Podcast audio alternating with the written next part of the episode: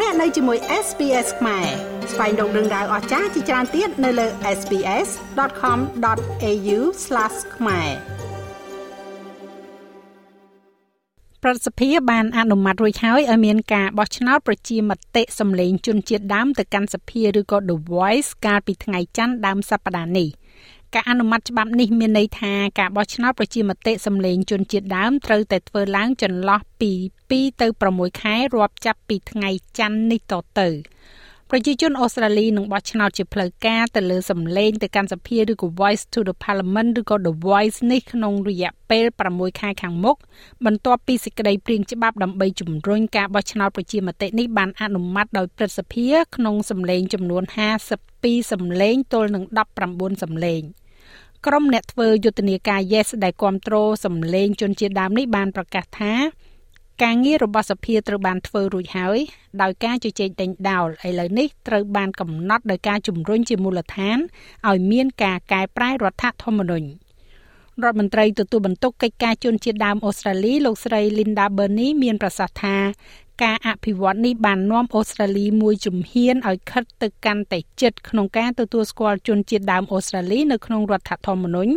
និងធ្វើឲ្យប្រទេសដ៏អស្ចារ្យមួយកាន់តែអស្ចារ្យថែមទៀតលោកស្រីបាននិយាយថាយូរពេកហើយដែលជនជាតិដើមអូស្ត្រាលីមិនសូវមានប្រៀបដូចជនជាតិអូស្ត្រាលីដទៃទៀតដែលមិនមែនជាជនជាតិដើមភាគតិច វាជាប្រព័ន្ធដែលខូចខាត ហើយ The Voice គឺជាឱកាសដ៏ល្អបំផុតរបស់យើងនៅក្នុងការជួសជុលវាព្រោះពេលយើងស្ដាប់ប្រជាជនតាមមូលដ្ឋាននិងប្រឹក្សាជាមួយនឹងអ្នកស្រុកពួកគេធ្វើការសម្រេចចិត្តបានល្អប្រសើរជាងមុននិងសម្រេចបានលទ្ធផលល្អជាងមុន។ គណៈបក Labor សង្កត់ធ្ងន់ថា The Voice នឹងក្លាយទៅជាស្ថាប័នផ្ដល់ប្រឹក្សាសុទ្ធសាធដោយផ្ដល់ឱកាសឲ្យជនជាតិដើមភាគតិចអូស្ត្រាលីផ្ដល់យោបល់ដល់សភានិងរដ្ឋាភិបាលលើបញ្ហាដែលប៉ះពាល់ដល់ពួកគេជាពិសេសប៉ុន្តែអ្នករិះគន់ខ្លះអះអាងថាសំណើនេះមានហានិភ័យខណៈដែលអ្នកខ្លះទៀតប្រកែកថាវាផ្ដល់អំណាចមិនគ្រប់គ្រាន់ដល់ជនជាតិដើមភាគតិចការបោះឆ្នោតប្រជាមតិលើកដំបូងក្នុងរយៈពេលជាង20ឆ្នាំនេះ នឹងប្រព្រឹត្តទៅចន្លោះពី2ទៅ6ខែរាប់ចាប់ពីថ្ងៃច័ន្ទទី19ខែមិថុនានេះទៅបើទោះបីជាលោកនាយករដ្ឋមន្ត្រី Anthony Albanese បានដាក់ទង់ថាវានឹងប្រព្រឹត្តទៅនៅឆ្នាំនេះក៏ដោយលោកបានប្រកាសថាឱកាសម្ដងក្នុងមួយជីវិតនេះនឹងលើកប្រទេសអូស្ត្រាលីដ៏អស្ចារ្យរបស់យើងឲ្យកាន់តែខ្ពស់ថែមទៀត។ លោកថានេះគឺជាឱកាសមួយដើម្បីធ្វើអ្វីអ្វីឲ្យកាន់តែប្រសើរឡើងជំនួសឲ្យការធ្វើអ្វីអ្វីសម្រាប់ជនជាតិដើមភាគតិចអូស្ត្រាលីធ្វើការផ្លាស់ប្ដូរជាមួយនឹងជនជាតិដើមភាគតិចអូស្ត្រាលីទោះបីជាប្រឆាំងទៅនឹងសម្លេងទៅកាន់សភាក៏ដោយក៏សមាជិកបកសម្ព័ន្ធខ្លះបានចូលរួមអនុម័តច្បាប់នេះកាលពីព្រឹកថ្ងៃច័ន្ទ លោកស្រី Michaela Cash ដែលជាសមាជិកសភាជួរមុខរបស់គណៈបក Liberal បានប្រកាសថាការបោះឆ្នោត Yes នឹងផ្លាស់ប្តូររដ្ឋធម្មនុញ្ញរបស់ប្រទេសអូស្ត្រាលីដោយមិនអាចប្រកែកបានដោយអះអាងថាបក Labor បានបរាជ័យនៅក្នុងការផ្ដល់ព័ត៌មានលម្អិតគ្រប់គ្រាន់អំពីរបៀបដែលស្ថាប័នដែលបែកបាក់គ្នានេះនឹងដំណើរការលោកស្រីបន្ថែមទៀតថាប្រសិនបើអ្នកមិនដឹងថាតើការបញ្ចេញសម្លេងឬក៏ The Voice នេះដំណើរការដោយរបៀបណាទេនោះ មតិដ៏រាបសាររបស់ខ្ញុំគឺបោះឆ្នោត No អ្នកនាំពាក្យរបស់បកសម្ព័ន្ធជនជាតិដើមអូស្ត្រាលីលោកស្រី Jacinta Price ដែលជាស្ត្រីជនជាតិ Warlpiri Celtic បានប្រកាសថាការចាក់ចេញពីសភាដើម្បីបង្ហាញពីព័ត៌មានលម្អិតបន្ទាប់ពីការធ្វើប្រជាមតិគឺពោពេញដោយហានិភ័យផ្នែកច្បាប់ លោកស្រីថាលោកនាយករដ្ឋមន្ត្រីចង់ឲ្យយើងជឿទុកចិត្តដោយងងឹតងងល់ដើម្បីចុះហត្ថលេខាលើមូលបទានបត្រដែលមិនទាន់បំពេញតួលេខរបស់លោកហើយអនុញ្ញាតឲ្យសំណើដល់ប្រថុយប្រឋានរបស់លោកត្រូវបានដាក់បញ្ចូលជារៀងរហូតនៅក្នុងរដ្ឋធម្មនុញ្ញនៅពេលដែលលោកមិនអាចធានាអ្វីបាន។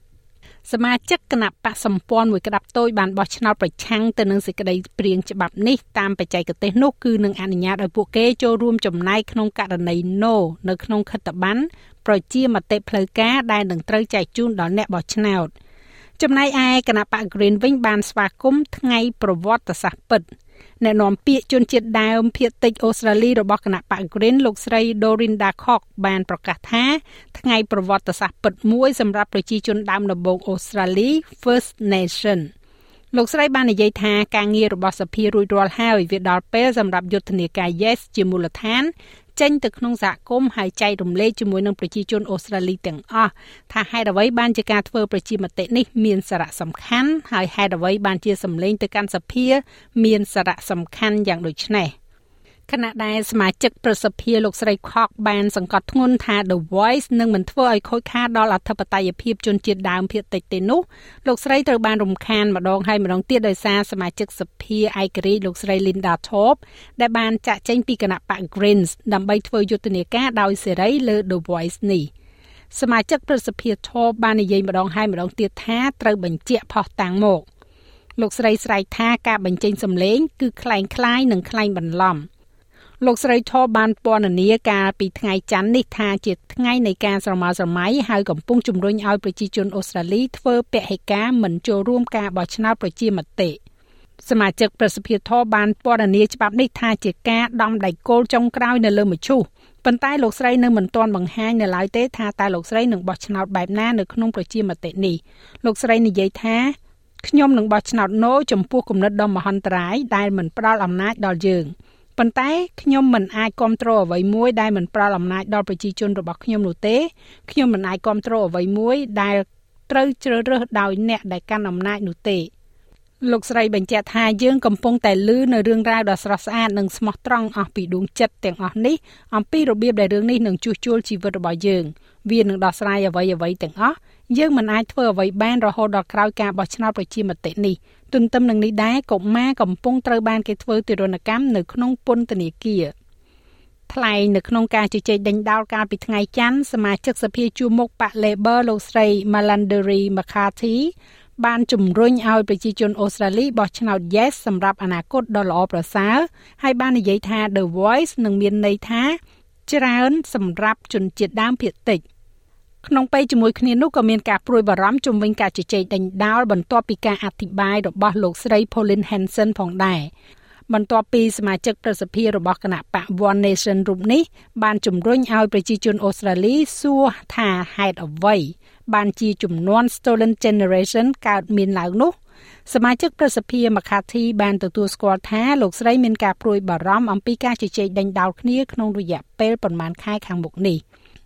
សមាជិកប្រសិទ្ធិលោកស្រី Hansen បានអះអាងមុននេះថាមនុស្សជាច្រើននៅក្នុងចំនួន Stolen Generation នឹងមិនរួចជីវិតទេបើគ្មានការដកពួកគេចេញមកអ្នកដឹងទេអ្នកនិយាយអំពីចំនួន Stolen Generation វាបានកើតឡើងនៅពេលនោះសួរខ្លួនឯងថាហេតុអ្វីនោះគឺជាសំណួរដែលលើកឡើងដោយលោកស្រី Hansen របាយការណ៍ស្តីពីការនាំពួកគេទៅផ្ទះនៅឆ្នាំ1997ដ៏ទូលំទូលាយបានរកឃើញថាការដកកុមារជនជាតិដើមភាគតិចចេញពីផ្ទះគឺជាការរំលោភសិទ្ធិមនុស្សយ៉ាងធ្ងន់ធ្ងរដោយកូនចៅចំនួនក្រោយរបស់កុមារដែលត្រូវបានគេយកទៅនោះទំនងជាត្រូវជាប់ពន្ធនាគារមានបញ្ហាសុខភាព និងមិនសូវស្វែងរកការងារធ្វើលោក Albanese បាននិយាយថាលោកមិនបានឃើញការអត្ថាធិប្បាយរបស់សមាជិកព្រឹទ្ធសភា Hanson ទេ ប៉ុន្តែបានសន្មត់ថាវាស្របទៅនឹងអ្វីដែលលោកស្រីបាននិយាយកាលពីអតីតកាលហើយលោកបាននិយាយថាខ្ញុំមិនមានបំណងឆ្លើយតបទៅពួកគេទេព្រោះខ្ញុំមិនគិតថាវាស័ក្តិសមនឹងការឆ្លើយតបរបស់លោកនាយករដ្ឋមន្ត្រីខ្ញុំនឹងអំពាវនាវឲ្យមានការជជែកដេញដោលដោយគោរពនៅទូទាំងក្រមប្រឹក្សាភិបាល មិនថាប្រជាជនបោះឆ្នោតតាមរបៀបណាក៏ដោយអ្នកតស៊ូមតិគួរតែប្រឹងប្រែងឲ្យអស់ពីសមត្ថភាពដើម្បីប្រកាន់ខ្ជាប់នូវការពិតមិនត្រូវនិយាយអ្វីដែលពួកគេដឹងថាមិនពិតនោះទេ ប្រជាជនអូស្ត្រាលីនឹងត្រូវបានសួរនៅចុងឆ្នាំនេះនៅក្នុងការបោះឆ្នោតប្រជាមតិដែលបោះឆ្នោត Yes ឬក៏ No ថាតើពួកគេគ្រប់គ្រងការផ្លាស់ប្តូររដ្ឋធម្មនុញ្ញដើម្បីបង្កើតស្ថាប័នឯករាជ្យអចិន្ត្រៃយ៍ដល់សភានិងរដ្ឋាភិបាលសហព័ន្ធដើម្បីផ្ដល់ដំបូន្មានលើបញ្ហាដែលប៉ះពាល់ដល់ជនជាតិដើមអូស្ត្រាលីដែរឬទេ។ ប្រធានគណៈបក National លោក David Little ប្រើបានប្រកាសកាលពីខែវិច្ឆិកាឆ្នាំមុនថាគណៈបករបស់លោកនឹងធ្វើការឃោសនាសម្រាប់ការបោះឆ្នោត No លើសម្លេងជនជាតិដើមទៅកាន់សភានេះនៅពេលនោះលោកបាននិយាយថាលោកមិនគិតថាសំណើនេះនឹងបិទគម្លាតពិតប្រាកដនោះទេលោកបានប្រាប់វិទ្យុ ABC ថារដ្ឋាភិបាលបានចំណាយប្រាក់រាប់ពាន់លានដុល្លារដើម្បីព្យាយាមដោះស្រាយបញ្ហាបិទគម្លាតនេះប៉ុន្តែយើងបានធ្វើវាក្នុងផ្លូវខុស លោកថាចម្លើយគឺពាក់ព័ន្ធទៅនឹងដំណោះស្រាយនៅថ្នាក់សហគមន៍ដោយមិនចាំបាច់មានសម្លេងទៅកាន់សភាទេចាស់ឲ្យរបាយការណ៍នេះចងក្រងឡើងដោយ Biva Kwan សម្រាប់ SBS News និងប្រែសម្រួលសម្រាប់ការផ្សាយរបស់ SBS ខ្មែរដោយនាងខ្ញុំហៃសុផារ៉ានីចុច like share comment និង follow SPS ខ្មែរនៅលើ Facebook